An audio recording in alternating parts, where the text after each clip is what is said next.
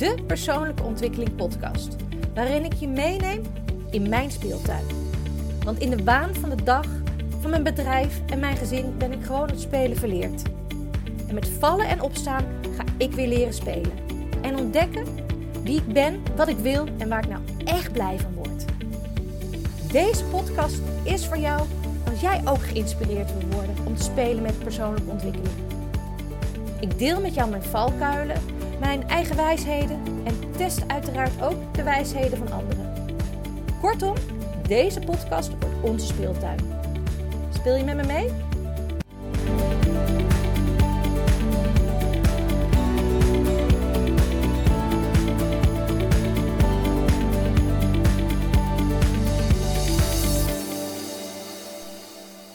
Hey, vandaag wil ik het met jullie hebben over de onbekende goeroes.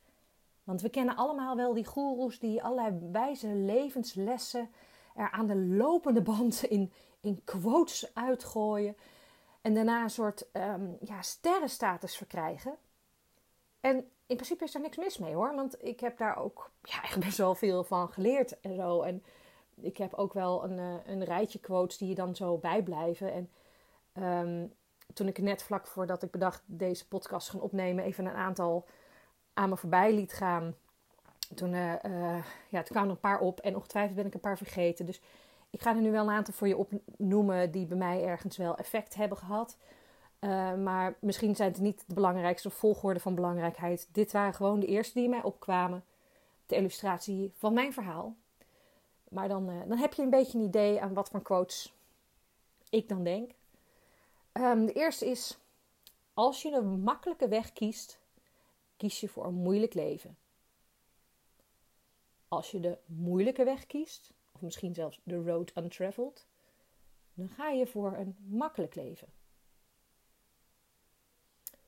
Je kunt hard werken om hoger op de ladder te komen, om aan het einde van je leven te ontdekken dat je tegen de verkeerde muur stond. Elke grote reis begint met één enkele stap. We kunnen niet het probleem oplossen met dezelfde denkwijze die het heeft veroorzaakt. Dus eigenlijk, als je doet wat je altijd al deed, krijg je wat je altijd al kreeg.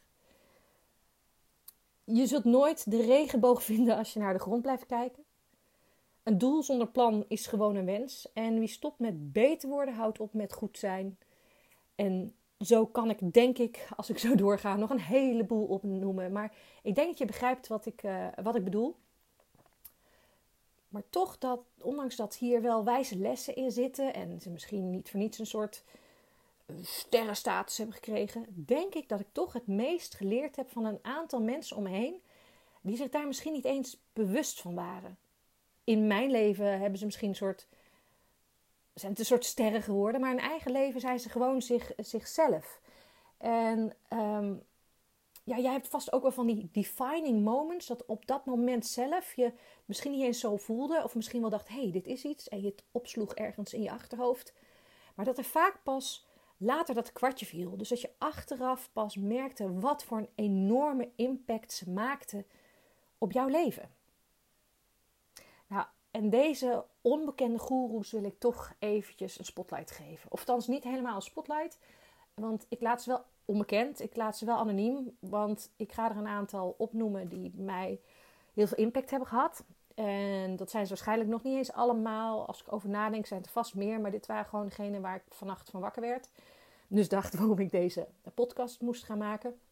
En de reden dat ik ze anoniem hou is omdat sommigen uh, sowieso fijner vinden om anoniem misschien te blijven. En uh, ik kan misschien van alles uit mijn leven delen, maar ja, zij hebben hun eigen privacy. En ook omdat sommigen zijn misschien trots het verschil maakten en sommigen wat minder. En de ene die heeft daar een positief gevoel bij bij de situatie en een ander een minder positief gevoel. Dus ik hou ze gewoon allemaal een beetje anoniem of in ieder geval een beetje globaal. En uh, nou ja, dan kom je.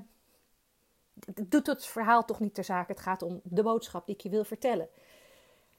En uh, een van diegenen die uh, de laatste ja, tijd, maanden, misschien uh, jaar, eigenlijk wel um, iedere keer weer terugkomt in mijn leven, is een baas die niet eens zo heel lang mijn baas is geweest of zo hoor. Maar hij um, was mijn baas in een soort ja, corporate omgeving. Had dus niks met het creatief ondernemerschap te maken, maar toch komt hij daar steeds, steeds in terug.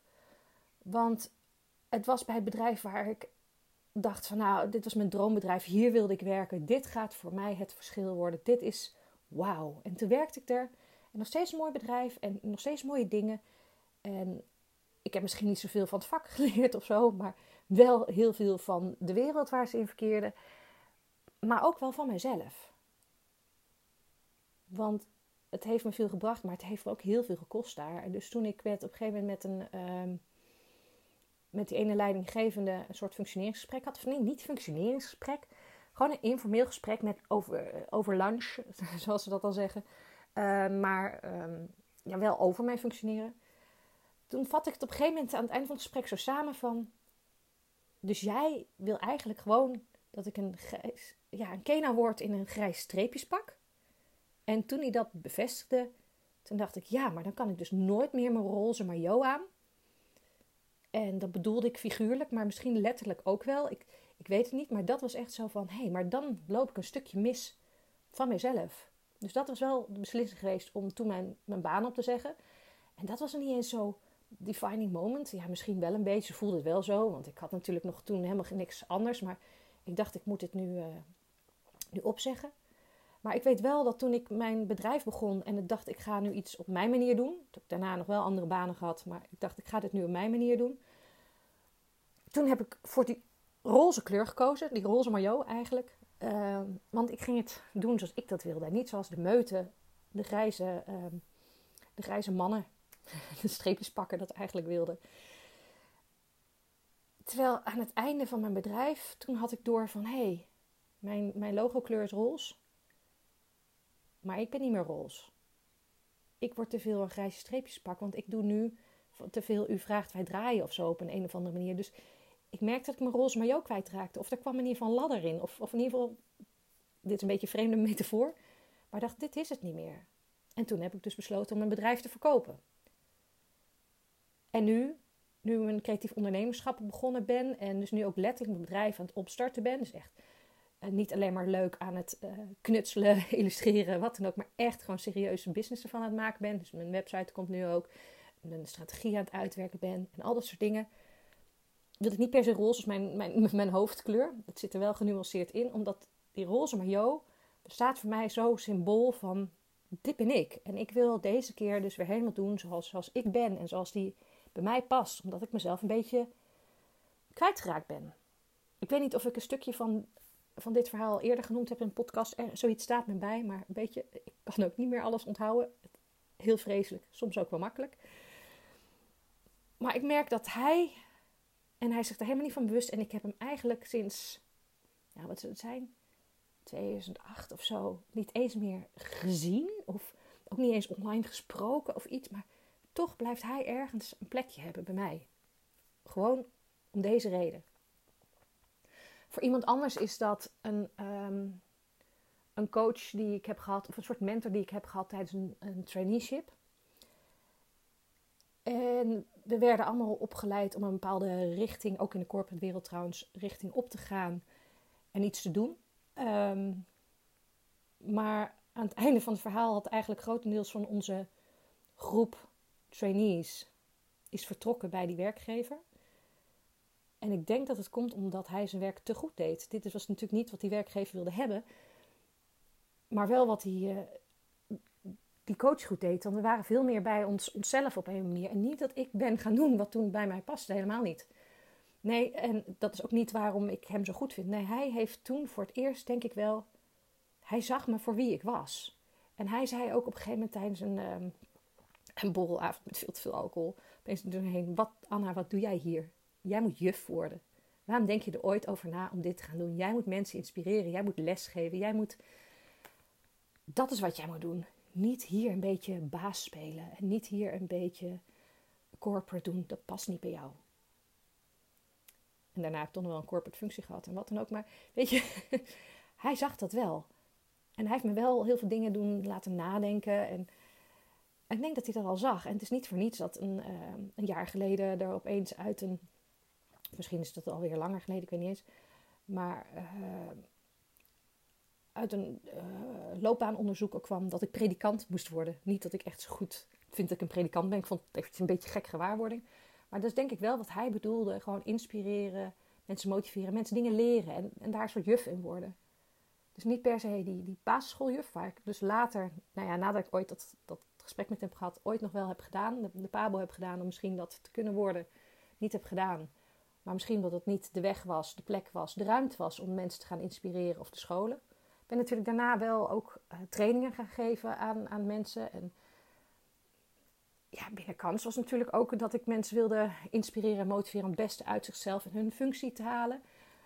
Ehm, en nu ga ik dat gewoon op een andere manier doen, hoe dat bij mij nu en bij dit bedrijf past. Dus ja, ik, ik, het is misschien niet eens zozeer dat ik zei van je moet gaan inspireren en motiveren, maar wil wel dat hij voor dat hij door al die façades heen, ik bedoel, in zo'n corporate wereld hebben we allemaal façades en dan zitten we ook allemaal, ik zeg niet net voor niets, die, die, die grijze streepjes pakken. We hebben daar toch een bepaalde, en hij prikte er feilloos doorheen. Hij zag gewoon wie ik was en ik denk dat, dat hij daarom voor mij ook heel bijzonder is. Het is een totaal andere man dan ik ben en we hebben totaal andere ideeën over uh, hoe de wereld moet draaien. Maar dit was iets waar we een soort synchroniciteit hadden onderling. Oh, wat een moeilijk woord. Kwam er in één keer uit. Maar ja, die, die connectie, dat heb je soms met mensen die denken: wauw, dit, dit, is het. Oh, nu gaan er allemaal andere mensen om hoofd wanneer ik dat misschien ook had. Maar nee, we houden ons even een beetje aan dit, uh, aan dit, aan dit lijstje. Of lijstje, het is niet eens een echt een lijstje. Maar ja, hij maakte wel het verschil. En net zoals dat ik een middelbare schoolleraar had. Gewoon een oude man. En en ja, de meeste oude mannen die waren natuurlijk van de oude stempel. En, en heel veel uh, vonden hem ook niet zo leuk en vonden hem ook zo heel streng, deze meneer. Ik vond hem uh, oké. Ik had niet per se volgens mij een mening over hem. Wat ik wel leuk vond, dat het was een docent, uh, hoe heet het, Griekse Latijn. En ik vond dat hij de verhalen altijd zo vertelde. Ik, de talen vond ik niet zoveel aan, maar de verhalen erachter, de geschiedenis erachter, de, de mythes. Nou joh, ik vond het geweldig om daar iets mee te doen. Um, op een gegeven moment was hij niet meer mijn docent. Ik kreeg een ander. En ik weet ook niet meer precies wat er gebeurde. Maar ik weet dat ik een periode van... Uh, we hadden een heel schooljaar. En ik denk dat ik minimaal zes maanden... Het kan misschien wel langer zijn. Niet in zijn klas mocht komen. Hij heeft de boeken in mijn gezicht gegooid. Heeft, en wat de reden van weet ik ook niet meer. Ik was vast een puber. Vast stelde ik zijn... Een expertise uh, op de proef. Of ik weet het niet. Ik heb iets ongetwijfeld gedaan wat iets bij hem getriggerd heeft. Waardoor hij uh, alles deed om mijn leven zuur te maken en mij ook niet meer in de klas liet komen. Uh, maar wel voor het raam moest blijven staan, zodat hij wel zag dat ik daar was. En ik ook niet melden bij een conrector of iets. Nee, hij ging dit, uh, nou ja, ik ga er niet diep in, maar heel heftig was het in ieder geval. Ook dat ik dacht, nou, ik heb nu grotendeels niet meer uh, gehad dit vak. Wie weet ik dat volgend jaar gewoon moet laten vallen. En dan ga ik van gymnasium, gewoon een ateneum, niks mis mee. En toen kwam die oude, oude man weer en die zei, nee Anna, Jij gaat het niet laten vallen. Jij gaat dit doen. En ik zorg dat jij die andere man niet volgend jaar als je docent hebt. Ik ben jouw docent. Wij gaan dit doen. Want ik weet zeker, jij bent gigantisch slim. Jij, bent, uh, jij ziet hier dingen in waarvan ik zeker weet, jij gaat dit halen. Jij gaat dit doen. En jij gaat hiervan genieten. Ik, ik wil dit met jou gaan doen. En ik heb het voordeel aan het twijfel hem gegeven. Oké, nou dan ga ik nog een jaar langer. Ga ik dan uh, Latijn doen. Heb ik niet gehaald trouwens. Want ik liep natuurlijk, ik had eigenlijk een jaar gemist. En als je dan je volgende jaar dat gaat doen, dan loop je achter. En zeker als je puber bent en het belangrijker vindt om sigaretjes te roken en in de kroeg te hangen en, en met vrienden te hangen in plaats van je huiswerk te doen. Ja, kan je nog zo slim zijn. Of misschien ben je dan juist hartstikke dom. Maar uh, nee, dat was gewoon niet meer op een bepaalde manier in te lopen.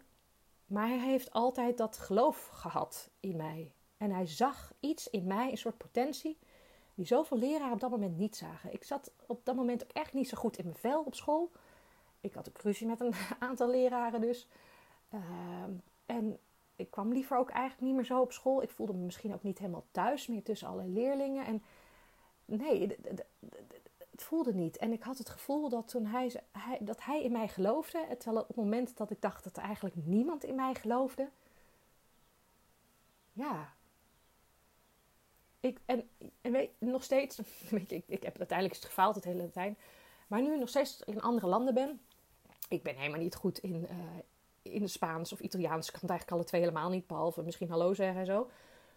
maar als ik dan ergens zo ben en ik zie de tekst, dan kan ik het vanuit Latijn direct wel een soort van vertalen of in een lijn vinden, omdat het allemaal toch ja, ook op die taal gebaseerd is.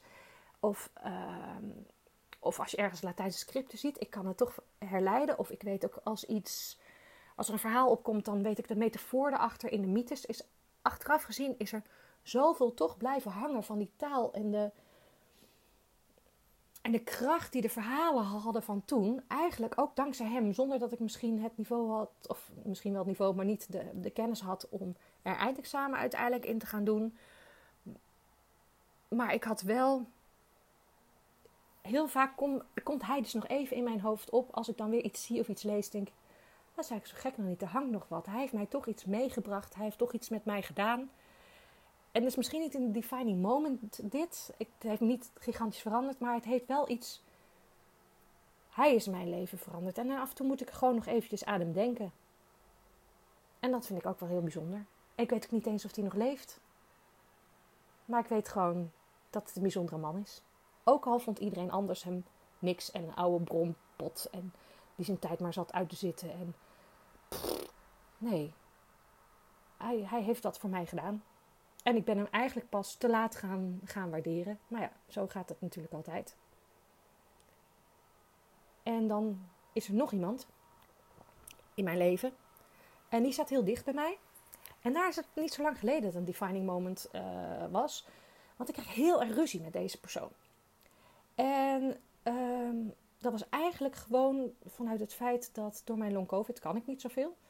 En uh, ik doe dan wel veel, want ik heb natuurlijk van huis uit geleerd: je moet altijd nuttig zijn, je moet altijd wat doen. En dat doet iedereen uh, bij mij thuis ook. Um, terwijl van long COVID wordt gezegd: je moet juist periodes niets doen, want je moet herstellen. Je hersenen kunnen dit niet aan en het heeft meteen effect op jouw lichaam. Je moet soms ook niks doen. Maar deze persoon zag mij op een gegeven moment niks doen. En die had het gevoel dat dit een niks op niks was. Of ik weet niet, misschien zat diegene op dat moment zelf gewoon niet zo goed in zijn vel. En ik denk dat bij diegene deze opmerking ook wel kwam uit bezorgdheid. Maar um, die was van, uh, wat jij, ga nou eens aan het werk, maak nou eens wat van je leven. Dan ben je 41, je hebt nog geen fuck bereikt. En wat doe je nou? En ga eens wat inzetten, ga eens bewegen. En dan ga je ook eens nog je tennislessen opzeggen. Terwijl Jan tenminste beweegt, dan ben je nou bezig. En je bent alleen maar met jezelf bezig. En je gaat alleen maar in een zwart gat. In plaats van dat je nou wat probeert te maken van je leven. Want je sleept iedereen in je omgeving met je mee. Nou, zo ging het nog helemaal heel veel verder door. En ik, ik schrok daarvan. Heel erg. Zeker omdat de setting niet heel handig was. De andere mensen die erbij waren, ik het niet heel netjes tegen vond dat dit, dat dit gebeurde. Um, maar het voelde ook dat iemand die ik altijd heel erg vertrouwd had, waarvan ik dacht: dit is iemand die altijd in mij moet geloven en dat opeens niet meer deed, dat had wel even impact. En weet je wat stomme is? Achteraf gezien had deze ruzie niet de meeste impact. Maar meer toen ik thuis was en dacht van, weet je, de weg die ik nu heb gekozen, is voor mij de juiste weg. Dat is de weg die ik nu moet nemen. En hij komt misschien niet overeen met de weg die jij voor mij ziet. Maar hierin heb ik jou niet nodig. Of althans, jou niet, jouw mening niet nodig. Terwijl ik heb altijd zo van een aantal mensen dichtbij mijn omgeving altijd gedacht van... Ja, onbewust altijd toch hun goedkeuring gevraagd. Want dan pas doe ik ertoe. En nu merk ik dat mijn zelfvertrouwen en misschien mijn zelfwaarde. Het is misschien niet waar het moet zijn, maar het is enorm gegroeid. Want ik kan nu af en toe zeggen: ik heb jou hierin niet nodig. Ik maak mijn eigen keuze. En het grappige is dat dat mijn herstel ook enorm bevorderd heeft. Dit. Ja, stom. Ja, misschien omdat het dat uh, het een soort rust gaf. Ik hoefde niet meer mijn brave face op te zetten, mijn masker op te zetten. Ik hoefde het dan niet meer te doen. Ik mocht gewoon zijn die ik besloot te zijn. Dus um, het is niet de druzie die misschien het verschil maakte, maar wel de realisatie die daarna kwam. En net zoals dat het gesprek met die baas van die, die roze het gesprek zelf maakte dat niet eens van, maar wel de realisatie wat het met mij deed. Van oké, okay, ken je nou grijs streepjespak of roze? Ik wil roze zijn, dus die keu ik maak een andere keuze. En daarom komt dat ook op andere settings in mijn leven steeds weer terug. Het is niet eens de situatie die er is, maar het is gewoon het effect die het daarna heeft. Maar dat is ook wat al die de bekende goeroes wel doen. Want ik, bijvoorbeeld als ik je zeg van elke grote reis begint met één enkele stap. Als ik weer tegen een berg opzie van dit moet ik allemaal doen. En vroeger was dat gewoon als ik een groot plan had. En nu is dit gewoon mijn dag doorkomen, want dat is wat Long Over doet. Ehm, maar als ik dat dan ja, in stukjes hak, downbreak tot een, tot een gewoon één enkele stap. Als ik maar die ene stap zet, ben ik al dichter bij mijn doel. Maakt het voor mij makkelijker om dus toch wel te gaan beginnen. Dus het heeft niks te maken met die grote reis. Het heeft niks te maken met per se die uitspraak, maar wel wat het in mij teweeg brengt, waardoor ik de volgende dag die stap zet. En ik weet zeker dus ook dat er in jouw leven bepaalde quotes, bepaalde gesprekken, bepaalde mensen zijn geweest die één simpele actie hebben uitgehaald. Die op dat moment misschien niet zo meaningful leken, maar door dat moment wat ze dat uithaalden, dat, dat het daardoor een zaadje bij jou geplant is. Waardoor de hele kettingreactie die vervolgens volgde in jouw leven, of misschien pas op een later moment, jou bracht waar je nu bent. Die defining moments, ik blijf echt in die rot Engelse zinnen hangen, maar maakt niet uit. Die momenten maken tot wie jij nu bent. En soms is het best goed om stil te staan bij, bij die mensen. En ze gewoon misschien eens even dankbaar voor ze te zijn, maar ook even bij ze stil te staan wat dat doet. En ik hoop ook dat jij dit soort dingen gaat terugdoen zonder de sterrenstraat te creëren voor de mensen bij jou om jou heen. Want ik denk echt dat als we dit onbewust doen naar elkaar en elkaar onbewust daar gewoon mee helpen en een spiegel voorhouden op een positieve of soms minder positieve manier, maar wel gewoon ze die dingen teruggeven dat wij het verschil in elkaars leven kunnen maken, maar daarmee dus ook in ons eigen leven. Dus ja, deze podcast misschien was hij een beetje um, warrig op sommige punten, maar ja, dat ben je inmiddels bij mij gewend. Maar deze podcast was wel een ode aan mijn onbekende goeroes. En hopelijk straks ook aan die van jou. Dus eigenlijk alle onbekende goeroes. Hulde dat jullie er zijn. En dank je wel dat jullie onderdeel wilden zijn van mijn leven. Dankjewel dat je hebt geluisterd naar deze podcast. Ik hoop dat die voor jou net zo waardevol was als voor mij. En zo ja, nou, dan zou ik het heel erg waarderen als je een review achterlaat. Bijvoorbeeld door een post te doen op social media of bijvoorbeeld via Apple Podcast 5 sterren te geven en te vertellen wat je ervan vond. Zo kan je deze podcast ook vindbaar maken voor anderen. En misschien kunnen die er ook wat aan hebben. De privéberichtjes die ik nu krijg, via, die vind ik echt super geweldig. Maar ja, die zijn wel privé. Trouwens, deze privéberichtjes zijn wel handig om te doen als je opmerkingen of tips hebt voor een volgende podcast. Je kan je ook abonneren op deze podcast op jouw favoriete kanaal, zodat je nooit meer een aflevering hoeft te missen. Nogmaals dank dat je hebt geluisterd en tot de volgende keer.